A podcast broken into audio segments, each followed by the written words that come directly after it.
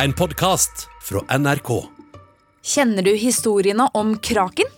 Denne kjempeblekkspruten fra gammel norsk folketro som terroriserte og angrep skip langs kysten? Fortellinger og vitneutsagn om kraken har dukket opp blant overtroiske sjømenn verden over, og i vår tid har den blitt ikonifisert i både romaner og på kinolerretet.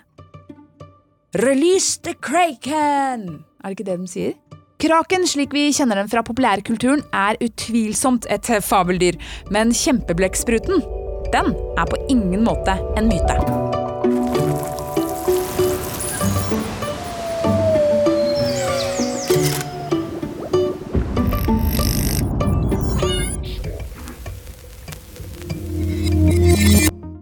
Ahoi, ahoi, og velkommen til en ny episode av Smartere på ti minutter, der jeg, Selda, forteller deg om fakta, vitenskap, historie og andre morsomme temaer som gjør deg nettopp det.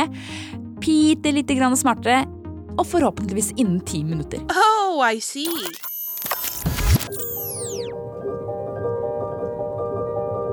Se for deg følelsen av å bestige et stupetårn på ti meter. Trappa er bratt, og for hvert trinn blir utsikten større, vinden blåser litt kraftigere, og når du når toppen, er den svaiende følelsen en bekreftelse på at ti meter faktisk er faretruende høyt. Og nå, på kanten av stupet, så ser du en tentakkel som klamrer seg fast. Tentakelen strekker seg ned forbi femmeteren, videre forbi tremeteren og hele veien ned i sjøen, hvor den til slutt når sin eier, en kjempeblekksprut på 250 kilo. Men frykt ikke, kjempeblekkspruten, også kalt Architeutis dux, har ikke for vane å dingle rundt fra stupetårn eller å svømme inne ved badeplasser for den saks skyld. Kjempeblekkspruten holder til langt, langt nede i det mørke og kalde dypet, antagelig på 500-1000 meters dybde. Og selv om det er høyst usannsynlig å få øye på den, lever den faktisk i alle verdens hav, og nyere DNA-analyser viser at hvert individ er i slekt med hverandre. A big happy family.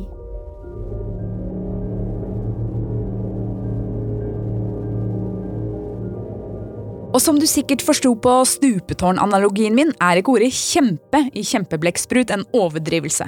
Armene kan bli hele 12 meter lange, den kan veie opptil 250 kilo, den har tre hjerter som pumper blått blod.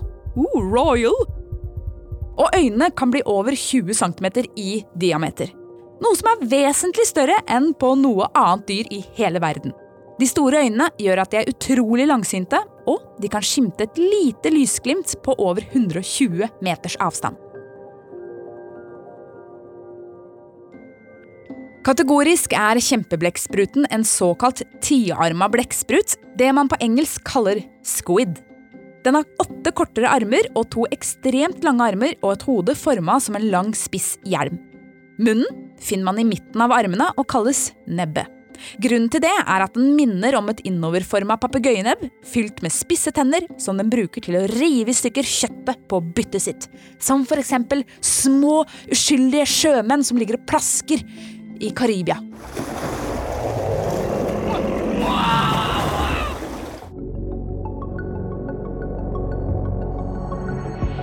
I matveien er den visstnok ganske fleksibel, og den tilpasser seg avhengig av hvilket farvann den ferdes i. Er det mange sjømenn i vannet, ja, da spiser den sjømenn. Det finnes rapporter av at den spiser både hai og tunfisk. Det med sjømenn var bare tull. Så du kan se for deg hvordan det må ha kriblet i forskergenet til professorene Erling Sivertsen og Svein Haftorn første gangen en kjempeblekksprut ble skylt i land i Ranheim i Trøndelag i 1954. Denne blekkspruten hadde en størrelse på 9,2 meter. Siden den gang har det drevet i land omtrent 20 kjempeblekkspruter langs norskekysten, hvorav fire av dem har blitt funnet i Trondheimsfjorden. Hva skjer i Trondheimsfjorden? Akkurat hvorfor så mange har dukket opp i Trondheimsfjorden, har vi ingen klare svar på. Men en naturlig forklaring kan være at Trondheimsfjorden er en av de største fjordene langs kysten. Den er dyp og har god utskiftning av vann med havet utenfor. Noe som gjør det naturlig for blekkspruten å følge strømmene innover. Men pga. det voldsomme dypet kjempeblekkspruten lever på, har det vært vanskelig å forske på den. Det er kun i nyere tid at vi har hatt teknologi og utstyr til å dokumentere kjempeblekkspruten i sitt naturlige miljø. Og det var først så sent som i 2002 at et forskerteam fikk levende bilder av den enorme skapningen. Siden den gang har man fanget kjempeblekkspruten på kamera ved noen få sporadiske tilfeller, bl.a. utafor Japan og i Mexicogolfen. Så det er fortsatt mye vi ikke veit om denne kjempen fra dypet. Det finnes teorier om at den kan bli så stor som 20 meter, og noen forskere mener at de enormt store øynene er en tilpasning for å lettere kunne oppdage farer. For til tross for at kjempeblekkspruten anslås å være en av de farligste rovdyrene i havet, har den, så vidt vi veit, bare én naturlig fiende, nemlig spermhvalen.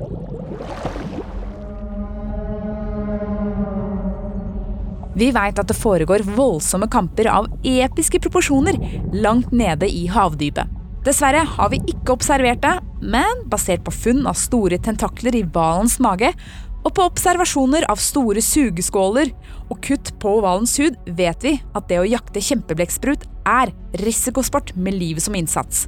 Selv for en spermhval. For selv om kjempeblekksprut kan virke som spermhvalens livrett, kjemper hvalen en kamp mot klokka fordi den kun har oksygen til å være én time under vann uten å drukne.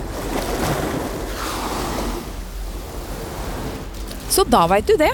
Kjempeblekkspruten lever altså nede på rundt 1000 meters dyp, har tre hjerter og blått blod og blir snackset på av spermhvalen. Det er ganske vilt. Havet er og blir et av de mest uoppdaga områdene på jorda. Og fortsatt har vi bare utforska ca. 5% av det. Hvem veit hva mer som finnes der nede? Kanskje de gamle folkemytene ikke bare var fantasi likevel. Vi høres til neste episode av Smartere på ti minutter.